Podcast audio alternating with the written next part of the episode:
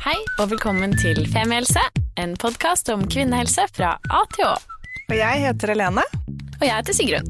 Og vi har startet denne podkasten fordi vi mener at det bør snakkes mye mer om kvinnehelse. Så la oss snakke.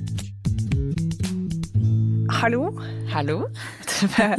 yes, veldig bra, Sigrun. Nå var du god på å si hallo. Vi bytter på. Um, velkommen til enda en ny episode av Femihelse. Uh, hyggelig at du ville komme innom, som han ikke sier. Innom i proppen. Innom i proppen. Uh, denne episoden handler om jenter, faktisk. Uh, jenters skal vi si tilstand? Nei, det blir feil. Men hvordan, liv, liv ja, hvordan jenter har det i Norge og utlandet. Um, versus kanskje gutter uten sammenligning for øvrig. Men fakta vi skal gå gjennom i dag og snakke om i dag, um, er, uh, handler om likestilling, rett og slett. Og jeg føler ikke helt at vi må forsvare at vi ikke sammenligner fordi vi heter Femihelse. Ja. Så vi tar først og fremst for oss kvinner. Mm. Så elsker vi menn. Mm. Men uh, machohelse kommer inn propp nær deg litt senere. Ja. Så da tar vi kan det vi da. snakke om hva som er urettferdig for guttene. Så vi bare si at verden er ikke svart-hvitt, men uh, nå tar vi for oss uh, Vi vil snakke om hva som er uh, problematisk med å være jente Kvinne. og kvinne i dag. Mm. Og med oss har vi da en ekspert på hvert fall kvinners forhold i utlandet. Og det, velkommen til oss, Kari Helene Partapoli fra Plan Norge. Tusen takk. Ja, Veldig hyggelig at du kunne komme i dag. Denne episoden slippes jo på en mandag. Og det er en uh, mandag i uken som varmer opp mot en veldig spesiell dag, og det er jentedagen. Mm. Uh, 11. oktober. Vi skal snakke litt mer om det etterpå, men kan ikke du først eller introdusere deg selv litt og Plan? Ja, det, det gjør jeg veldig gjerne. Eh, Jeg er leder for, for Plan Norge, eh, og Plan er jo en eh, global eh, organisasjon som jobber for barn. Og vi jobber både for gutter og jenter, men vi ser jo det at eh, med all den erfaringen vi har med å jobbe med barn, at dersom barn har det ille, så har jenter det verst. Og så ser vi også at skal vi klare å jobbe med utvikling, skal vi utrydde fattigdom, så må vi faktisk sette et litt ekstra fokus på jenters situasjon. Så det, det gjør Plan. Eh, Vi jobber jo i 55 000 lokalsamfunn. Eh, Vi når veldig mange millioner barn eh, hvert år. Og jobber både med barna selv, med familien, med lokale ledere og med politikere, også med global påvirkning. Og det er jo barns situasjon, og da i særdeleshet jenter, som er det som, som vi jobber med.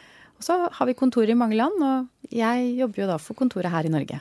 Mm. Men dere har ikke noe aktivitet her i Norge? Norge er en, en si, givernasjon, eh, eller?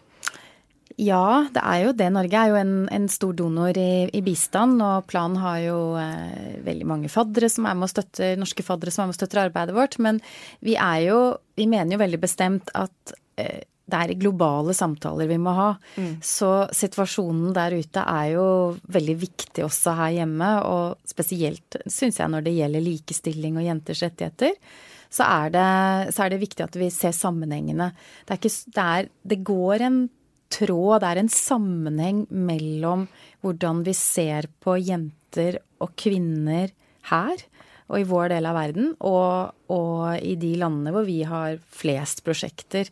Så, og, og vi var jo faktisk sånn at eh, lenge så hadde Norge en lov hvor det var lov å gifte seg eh, hvis du var under 18 år.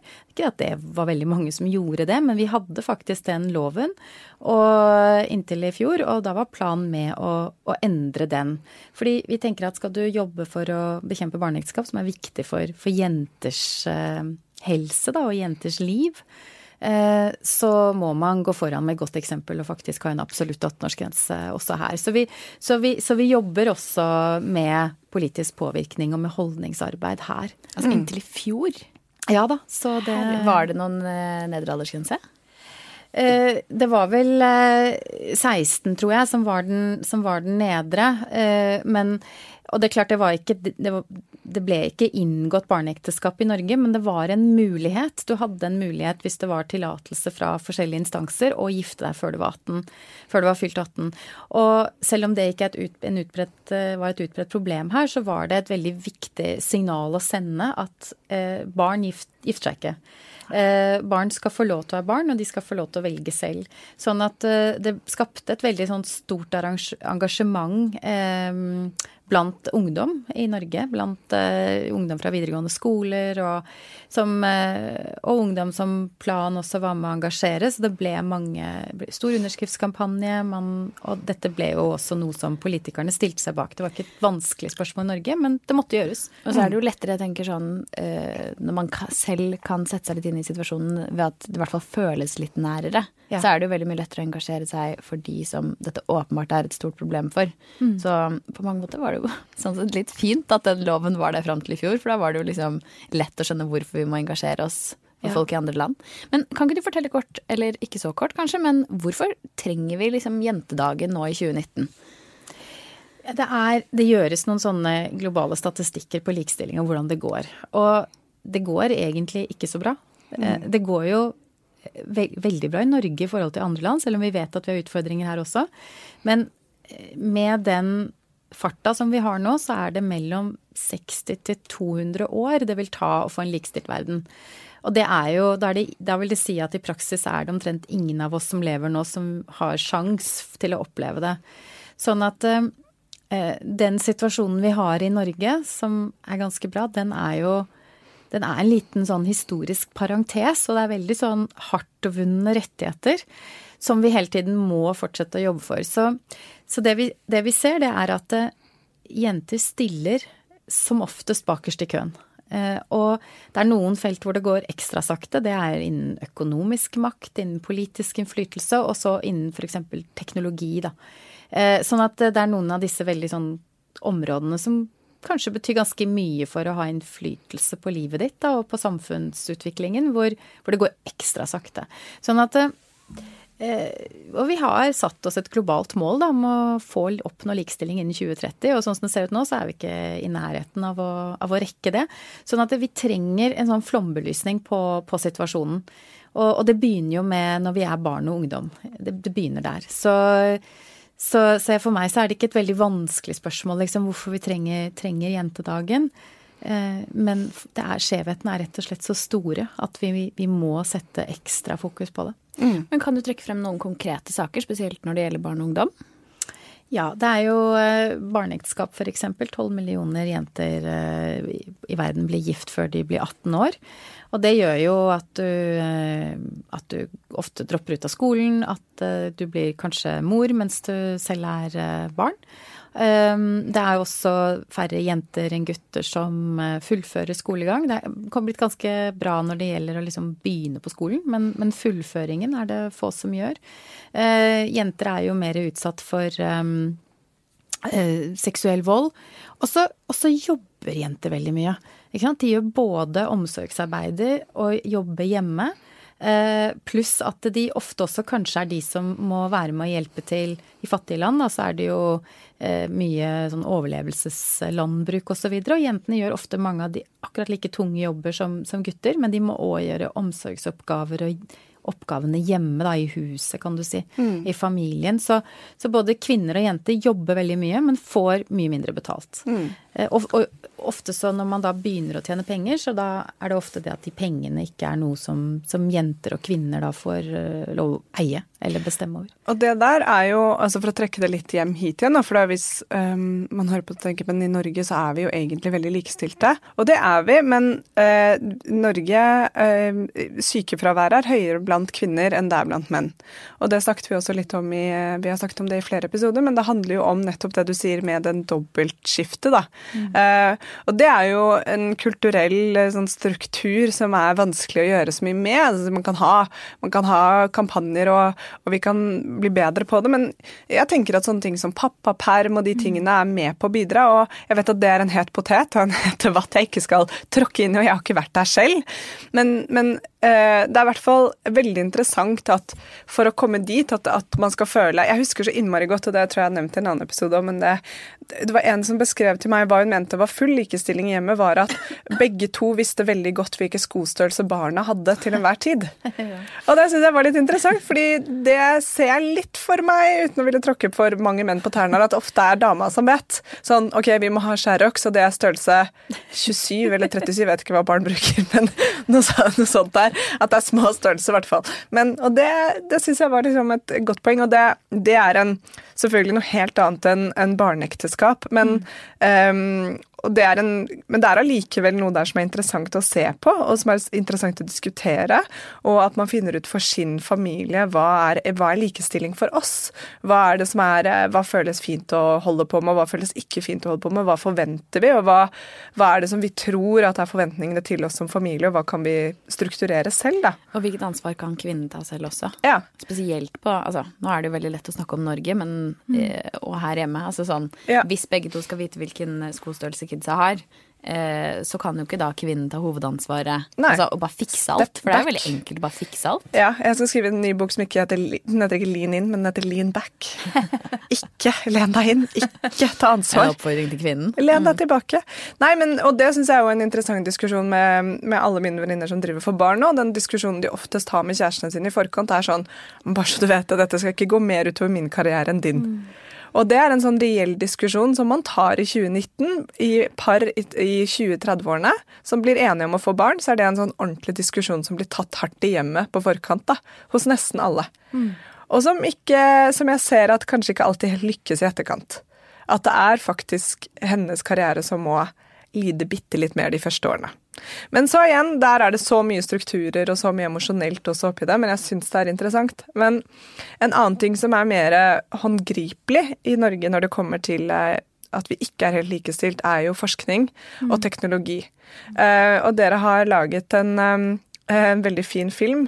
Og jeg må jo si liksom litt disclaimer at jeg jobber i det firmaet eller byrået som har laget filmen, men jeg var ikke med på å lage filmen, så jeg kan snakke om den og si at den er fin bare fra et sånt helt eh, subjektivt perspektiv. Men jeg synes sånn fakta som at 47 større sjanse for, for at kvinner blir skadet i bilulykken menn fordi bilbeltet er testet på menn. Og vi har skrevet litt om det i vår bok, hashtag reklame for egen bok, om det med eh, at veldig mye medisin er testet på menn. Mm. Og det her er, det er livsfarlig. Det er ikke bare 'å nei, ja, vi må liksom likestilles fordi det skal føles bra'. Det er livsfarlig. Hjertemedisin som er testet mest på menn, um, osv. Og, så og det er Det er så mye der, da. Og jeg dro et annet eksempel i en annen episode som slippes senere, men jeg kan tease på den nå. Eh, forskning fra Sverige i 2011, så det er mulig at rutinene er blitt endret med hvordan man fastsetter eh, størrelse på, eller alder på foster, eller hvor langt du har kommet i graviditet. Så Før så tok man fra siste mens, mens nå i slutten av eh, første trimester så måler man jo størrelsen på fosteret. Og det vil da si at ofte så, så Men det følges, følger en norm, og den normen er basert på på guttefostre som regel. Da.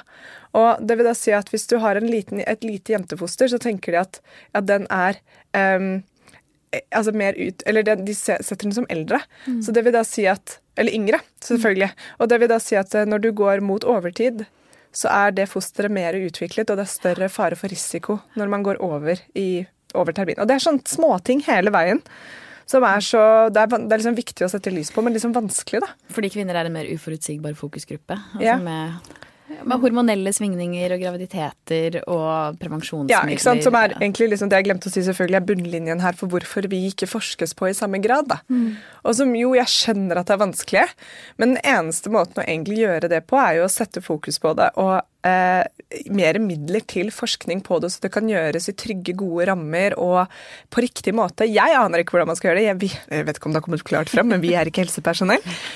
Men det må gjøres, da. Vi er jo 50% og som Sigrun alltid sier, det er mer mikk-makk med vår kropp. Det er mer svingninger, det går mer opp og ned. Og det, det må jo være veldig spennende å forske på.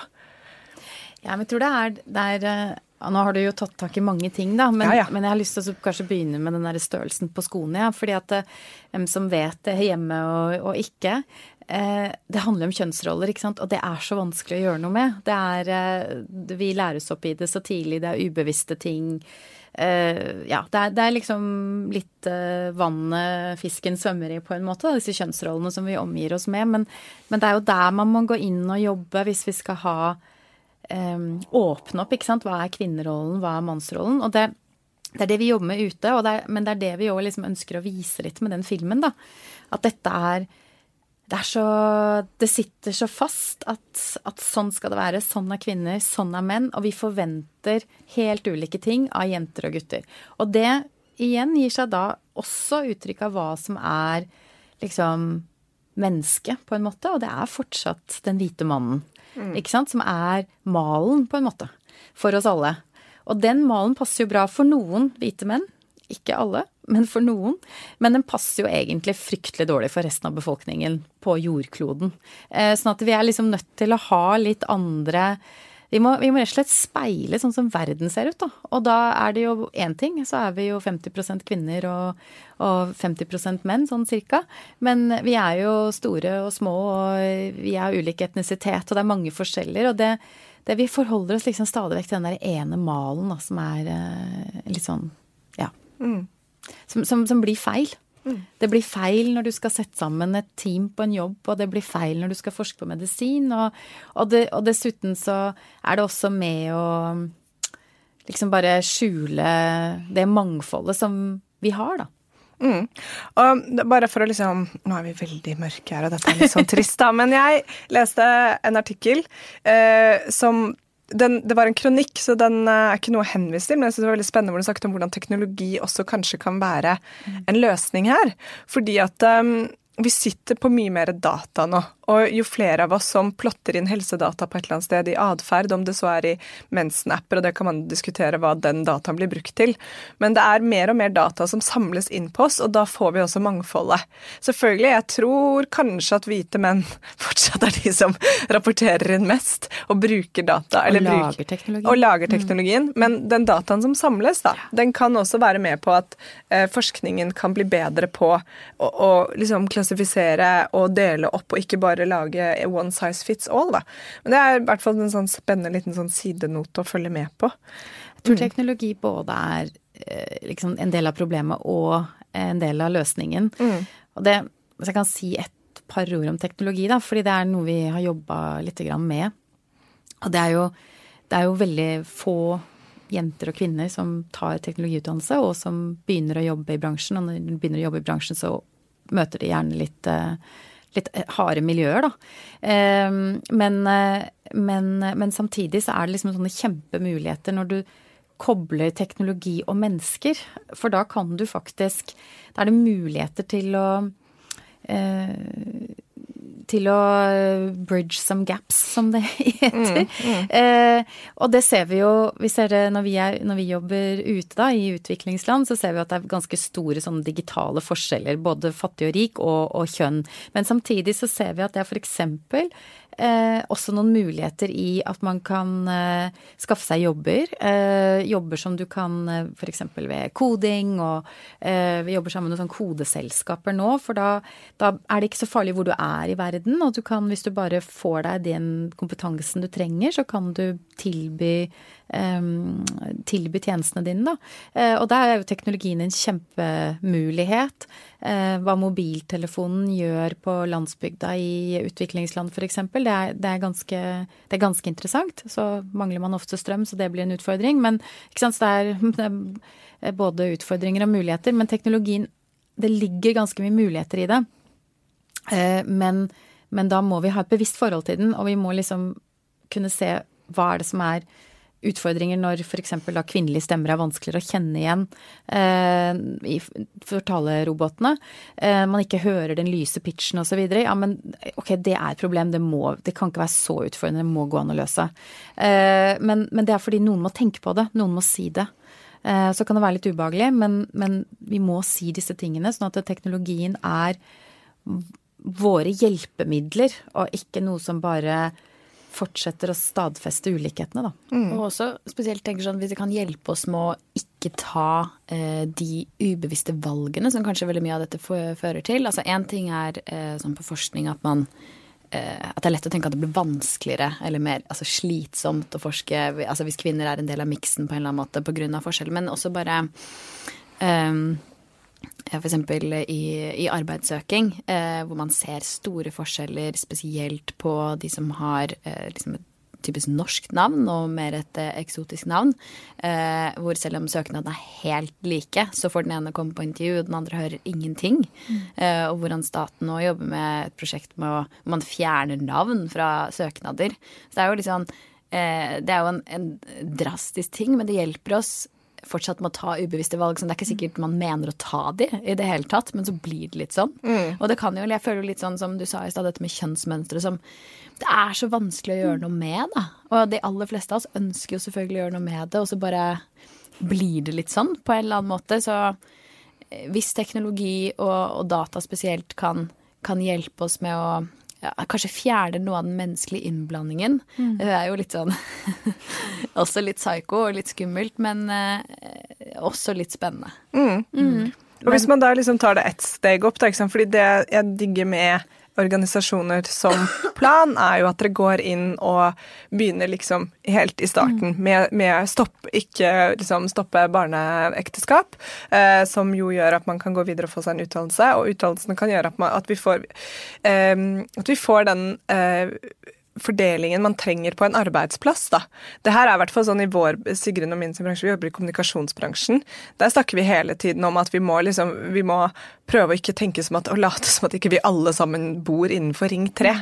Fordi det blir, Hvis man skal lage f.eks. kommunikasjon som passer til alle i Norge, så må du være representert på arbeidsplassen av folk som stemmer på ulike partier, som har ulike meninger, og som har ulike interesser, og som ser på verden forskjellig. Alltid tenke at folk egentlig ikke er enig med deg sjæl. Ja, og det gjelder jo også i teknologi og forskning, og hvis det er um, jeg syns det er gode eksempler fra, fra, historien vår om kvinnehelse i et historisk nei, episoden vår, kvinnehelse i et historisk perspektiv, så snakket hun om det at de to vanligste testgruppene var mannlige legestudenter og innsatte i fengsel. Ja. Veldig lett å kontrollere og god tilgang på. Og sånn er det også i veldig mange andre bransjer, at du tar det du har, da. Og du hører på de som er rundt deg, og hvis de som er rundt deg er helt like som deg, da blir det sånn. Og da glemmer man jo store grupper, og da går du Og det er igjen tilbake til at dette også er et samfunnsøkonomisk perspektiv i det. For hvis et produkt eller en kampanje Sigrun og jeg har laget, bare er tilpasset til én målgruppe, så er den jo ikke relevant for alle andre, og da er den jo ikke like lønnsom. Mm. Jeg sier ikke at alt kan passe til alle alltid, sånn er det ikke. Men eh, det, noe, det handler ikke bare om sånn likestilling for likestillingens skyld, det handler om at det bare er mest lønnsomt, at det er det som funker best. Ja, jeg tror det er, det er jo er vel McKinsey som kom ut med en sånn rapport for ganske mange år siden på, på lønnsomhet og likestilling, og, og, og, trakk helt sånn tydelige sammenhenger mellom det for selskaper, da. Og, så det er på en måte til og med gammelt nytt, ikke sant, men det tar bare så lang tid. Mm. Eh, og det tar lang tid nesten overalt, selv her.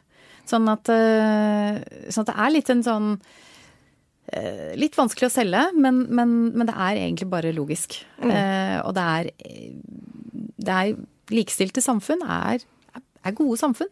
Eh, og det er, jo, det er, jo, derfor vi jobber med det. Eh, det er derfor vi jobber med det som en del av vår utviklings, eh, utviklingsprosjekter.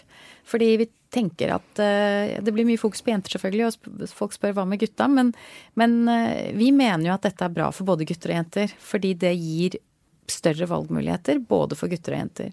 Og økonomisk vekst. Eh, å ha både kvinner og menn i arbeid og bruke Jeg snakket med en jente i Malawi som sa at i Malawi så bruker vi liksom bare det er som om vi bruker bare den ene hånda vår. Vi bruker bare guttene, eh, og vi bruker ikke jentene. Ikke sant? Alle er nødt til å være med. Skal Malawi, et av verdens fattigste land, skal med veldig store utfordringer. Mm. Eh, og skal vi klare noe som helst, så, så er vi nødt til å satse på, på, begge kjønn som det minste, liksom, som vi gjør. Så det er liksom Det er fornuft i det. Ja, og det da, vet vi egentlig. Ja, vi vet jo det, og det blir en sånn Jeg føler det nesten selv at jeg av og til tenker på sånn likestilling sånn at du tar fra menn og gir til kvinner, men sånn er det jo ikke. Og det handler jo om eh, Jeg syns at sånn Alle de aller fleste menn har jo også kvinner rundt seg som de har lyst til at skal blomstre og fungere, og, og ha det bra. Og, det, og, da må jo det strukturelle ligge til plass, om det så er utdanning og skolegang, og at man får lov til å gå på skolen selv om man har mensen, at man har tilgang på sanitære, gode sanitære forhold. Det er så masse sånn basic for oss i Norge, men som ikke er det mange andre steder. Og, og selv om det kan selvfølgelig være utrolig store liksom, variasjoner i hvordan kulturen ser på kjønnsroller, så er de aller fleste, eller alle kulturer, er jo veldig godt eh, unt med at eh, det er likestilling. Og i hvert fall til den grad det er mulig å oppnå det, selv om det kan ta lang tid, så er det et godt sted å starte med ja, barneekteskap og utdannelse, da. Um, mm. Men eh, der igjen føler jeg at det blir veldig store forskjeller på på her og der, selv om det føles litt sånn grusomt å si det. Men mm. um, for her hjemme så føler jeg jo det liksom handler mye om informasjon og engasjement og liksom handling. Uh, men ok, hvis vi er i Malawi, da. Hva hva kan vi gjøre? For å forhindre barneekteskap, for å sørge for at flere jenter får fullført eh, skolegangen sin. Altså sånn, mm. Hva må til, tror du? Mange ting.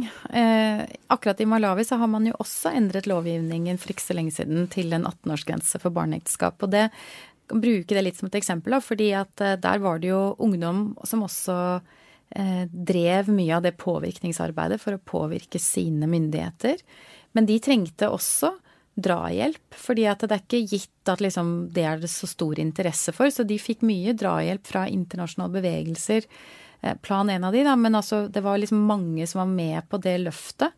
Um, og så jobba man jo også med, uh, med, lokale ledere, med høvdinger, som spiller en, en stor rolle i Malawi. Um, så det var um, det var noen som gikk veldig foran sammen med ungdommen og, og, fikk endret lovgivningen. Og så er lovgivningen det er jo det er et kjempeviktig skritt, men praksis er jo det, Praksisen endrer seg ikke fordi loven endrer seg. Um, sånn at praksisen er jo virkelig det litt sånn harde arbeidet, da. At, at, da. Og da må du ha med deg de lokale lederne, og de må, de må, få beskjed om Eller de må gi beskjed om at i våre landsbyer så, så er det ikke så, så, så, gifter man seg når man er 18 og man blir det annet tilfelle i Malawi også er jo eh, tenåringsgraviditeter, som eh, egentlig kanskje nesten er et større problem enn barneekteskapet. Um, og da handler det jo om å jobbe på skoler med seksualitetsundervisning, eh, sånn at jenter og gutter vet hva som skjer med kroppen til jentene når de får menstruasjon. Altså hva, hvordan blir du gravid, hvordan kan du hindre det, hvordan kan du beskytte deg mot sykdommer osv. Her er det veldig lite kunnskap. Um, men du må liksom jobbe, du må jobbe både med holdningene, med familier, med lokalsamfunn, og du må jobbe med lovgivningen. Eh, du må jobbe på alle nivåene, for ellers så går det ikke. Ett nivå er ikke nok. Eh, og her er det jo mange som gjør forskjellige innsatser. Og så er også fattigdomsbekjempelse en del av det. Eh, fordi at i Malawi, da, siden vi snakker om Malawi, så er der er det brudepris. Eller det vil si at du får medgift, sånn at det vil si Nei, nei ikke medgift, men eh, det vil si at eh, hvis du gifter bort datteren din, så får du penger. Mm. Eh, og det er ikke mye nødvendigvis, men Blir kjøpt? Ja, eller det er brudepris. Altså det er, det er jo det er, det er, ikke uvanlig praksis, eh, men du kan si det er press. Og jeg kjenner flere unge jenter i Malawi som opplever det presset, at nå går du bare hjemme. Du kunne gifte deg, og så får vi eh, får vi penger. Eller, eller, du er også en utgift, da, ikke sant. Sånn at eh, det, det å ta det valget å være ugift En ting er før du er 18, men også etterpå å gifte deg når du vil. Det er litt det er vanskelig, eh, også i et land som da har så høy arbeidsledighet, og særlig ungdomsarbeidsledighet. Men, men dette er eh, Så dette er, dette er en tung dette tar tid, og det er vanskelig, men det kan la seg gjøre. De fikk endret lovgivningen. Vi ser at det er flere jenter som går på skole. Eh, vi ser at flere tar utdannelse. sånn at det, det, utviklingen går for så vidt riktig vei, men det er klart det er ganske mange eh, barrierer. Og jeg har kjent en sånn ungdomsgruppe i Malawi noen år nå med, med unge jenter. Og første gangen jeg møtte de, som nå er en del år siden, fem-seks fem, år siden, så, så satte vi oss ned og snakka sammen, da. Og, og, da hadde jo alle jentene eh, i det rommet, de var tenåringer, opplevd seksuelt overgrep. Seksuelle overgrep er en eller annen sort. og det var liksom Det var veldig sterkt hvordan de snakket med meg om det. Um, og de håndterte det jo veldig forskjellig, for de jo, er jo forskjellige personer. Men de støtta hverandre, men de hadde ingen andre. Men, men, det var nesten Det var sånn som de regnet med. Altså det måtte du regne med som, som ung jente. Enten det er noen i familien, det er på vei til skolen. Skolevei er veldig usikker, eh, for da vet man jo at jentene er alene på vei til skolen, ikke sant. Så der er det jo en del som blir plukka opp noen ganger. Eh, jenter får ofte sånn jobber med å hente vann og ved og sånn, da vet man hvilken vei jentene går. Pluss at man i Malawi også har fortsatt noen sånne overgangsritualer hvor man drar på sånne leirer hvor man blir introdusert til å eh, ja, ha sex, egentlig, da. Eller gjøre en mann seksuelt glad. Eh, det, så det er jo, det er jo eh, egentlig voldtekter, ikke sant. Men, og, og overgrep. Og det, ikke det man ønsker i en seksualitetsundervisning, som jo handler om hvordan du skal kjenne din kropp og kunne bestemme over den og ta egne valg. Så det er mange ting. Men de jentene, noe av det de gjør f.eks., det er jo å gå sammen om å anmelde voldtekter. Og de har faktisk fått saker gjennom hele rettssystemet i et land hvor det er såpass vanlig og det, det, vet vi jo her også, det er ganske vanskelig for en voldtekt gjennom hele rettssystemet. Eh, selv, eh, ja, selv her. Så, så men, men, det har de faktisk klart. De jobber helt sånn systematisk med å rapportere eh, vold eh, mot kvinner, og de jobber sammen med gutter. Eh, sånn at når de skal snakke med høvdingene, eh, så går de sammen med guttene. De, de, vet at dette må vi gjøre sammen. så det, var, det er det er veldig sterke møter med de jentene. Så kan du si situasjonen er veldig forskjellig. Ja, men vi forsto jo hverandre. Eh, vi, vi, det var eh, Vi kunne ha gode samtaler om dette. Og mange av de løftene som malawiske kvinner og jenter må gjøre, er jo løft som har vært gjort her. Eh, se på hele krisesenterbevegelsen, hvordan man har begynt å gjøre det private til et offentlig ansvar. Den volden som kvinner opplever, er jo ofte i privatsfæren. Eh, og, er, og, hvordan vi må gjøre det til et samfunnsansvar. Det er, ikke, det er, ikke, vårt ansvar, det er ikke vi som kvinner som skal håndtere det eller overleve det eller noe sånt. Eller advare døtrene våre mot hvordan man skal, skal håndtere overgrep eller sånne ting. Men, men det skal, er et samfunnsansvar, fordi det er ikke akseptert. ikke sant? Hele den reisen som krisesenterbevegelsen har gjort f.eks. i Norge på det, og i Norden, eh, det er noe av det tilsvarende egentlig som de sitter og gjør nå. Eh, med, med, voldtekter, med vold i hjemmet. For det er ikke lov i Malawi heller. Eh, men, men noen må si fra, og det må bli tatt alvorlig i alle instanser. Mm. Langt svar, da. Eh, så det er mye jobb, men, men det er også mange som jobber. Ja. Det er mye sterke folk der ute som mm. kjemper kampen. Altså sånn Ja, det skjer jo ting. Det gjør det. Det er veldig fint å høre. Ja, det, og man kan jo nesten bli litt sånn overveldet, ikke sant. Og det, det virker som det er mye Eller jeg blir i hvert fall sånn det er mye elendighet og, det, og sånn, men det er det. Men det er også mye som blir bedre, da. Mm. Og mange piler som preker riktig retning. Og jeg, jeg, er veldig enig i det at man sitter i Norge og har det bra, men det er mye her man kan ta tak i. og bare fordi det er mye som funker her, så betyr det ikke at man ikke skal se utover. Det er jo for eksempel, uh, Dette er en litt sånn lang linje, men det er jo veldig uh, mange som er engasjert i miljøet i Norge. Mm. Men du kan ikke egentlig, mener jeg, da være engasjert i miljøet uten å være engasjert i fattigdom og i likestilling, fordi alt henger sammen. Uh, og, og det, fordi vi kan ikke få Altså, ja, det er en lang linje. Men jeg syns det er interessant at hvis man har liksom det, Vi er jo bare på liksom én klode. Det sånn, ble sånn sideinnlegg på i Aftenposten her. Men det er Jeg føler det litt sånn, og det Ja. Mm. ja. Og så kjenner jeg også selv at jeg får lyst til å um, jeg føler veldig ofte, da, når det er snakk om de som trenger hjelp på en eller annen måte, uh, så jobber vi utrolig mye med Agenda sette problemstillingen, mm. som vi selvfølgelig må. Men det har også blitt gjort i veldig mange år, som gjør at jeg får i hvert fall en følelse av at det skjer ingenting. Oh, ja. At det er en litt sånn evig grusomhet som pågår. Og derfor Det er veldig deilig når, når du nå forteller da, om liksom alle disse tingene som skjer, men jeg får også lyst til at vi skal snakke mer om eh, alle de positive kreftene der ute. Eh, og snakke om kvinner og menn som gjør at samfunnet beveger seg fremover, og gjør at jeg føler at det hjelper på en eller annen måte. Og hvordan jeg kan hjelpe de. Altså sånn, mm. Hvordan kan jeg heie mer? Altså Hvordan kan jeg gjøre det lettere for deg å kjempe den kampen du kjemper? Mm. Um, uten å føle at det er en sånn bunnløs brønn av liksom sorg og grusomhet. For jeg tror veldig mange av oss vet at det er grusomt. Ja. Um, og det kan hende at det er mange som ikke er enig med meg i dette, men uh, jeg stemmer for litt uh, positiv balanse av og til. Ja, men jeg er helt enig. Og apropos det, så er det jo eh, pos Nei, det går bra. Vi er på en femihelse-episode, Det er lov å ha uhelse òg. Jeg har en kropp, faktisk. Ja, du har det. Det er ikke tabu å hoste. Men eh, jeg, apropos det. Det er jo eh, neste fredag, så er det jo da jenteprisen til Plan blir delt ut. Og jeg glemte den, faktisk. Hvor vi er eh, nominert. Det er veldig gøy. Skikkelig Ja, hyggelig. Ja. Men, eh, og vi og um, 69 andre. Hvor mange er det nå? 70. Mm. Shit, Ja. Så eh, 1 pluss 69, som vi pleier å si. Ja. Ja. Og det er jo fantastisk. Og der ser man de eh, som prøver å gjøre en forskjell i inn- og utland. Og der er det en fin liste med ildsjeler og engasjerte folk som virkelig prøver å eh, dytte pila i riktig retning. 70 Mm. Det er bare, mange.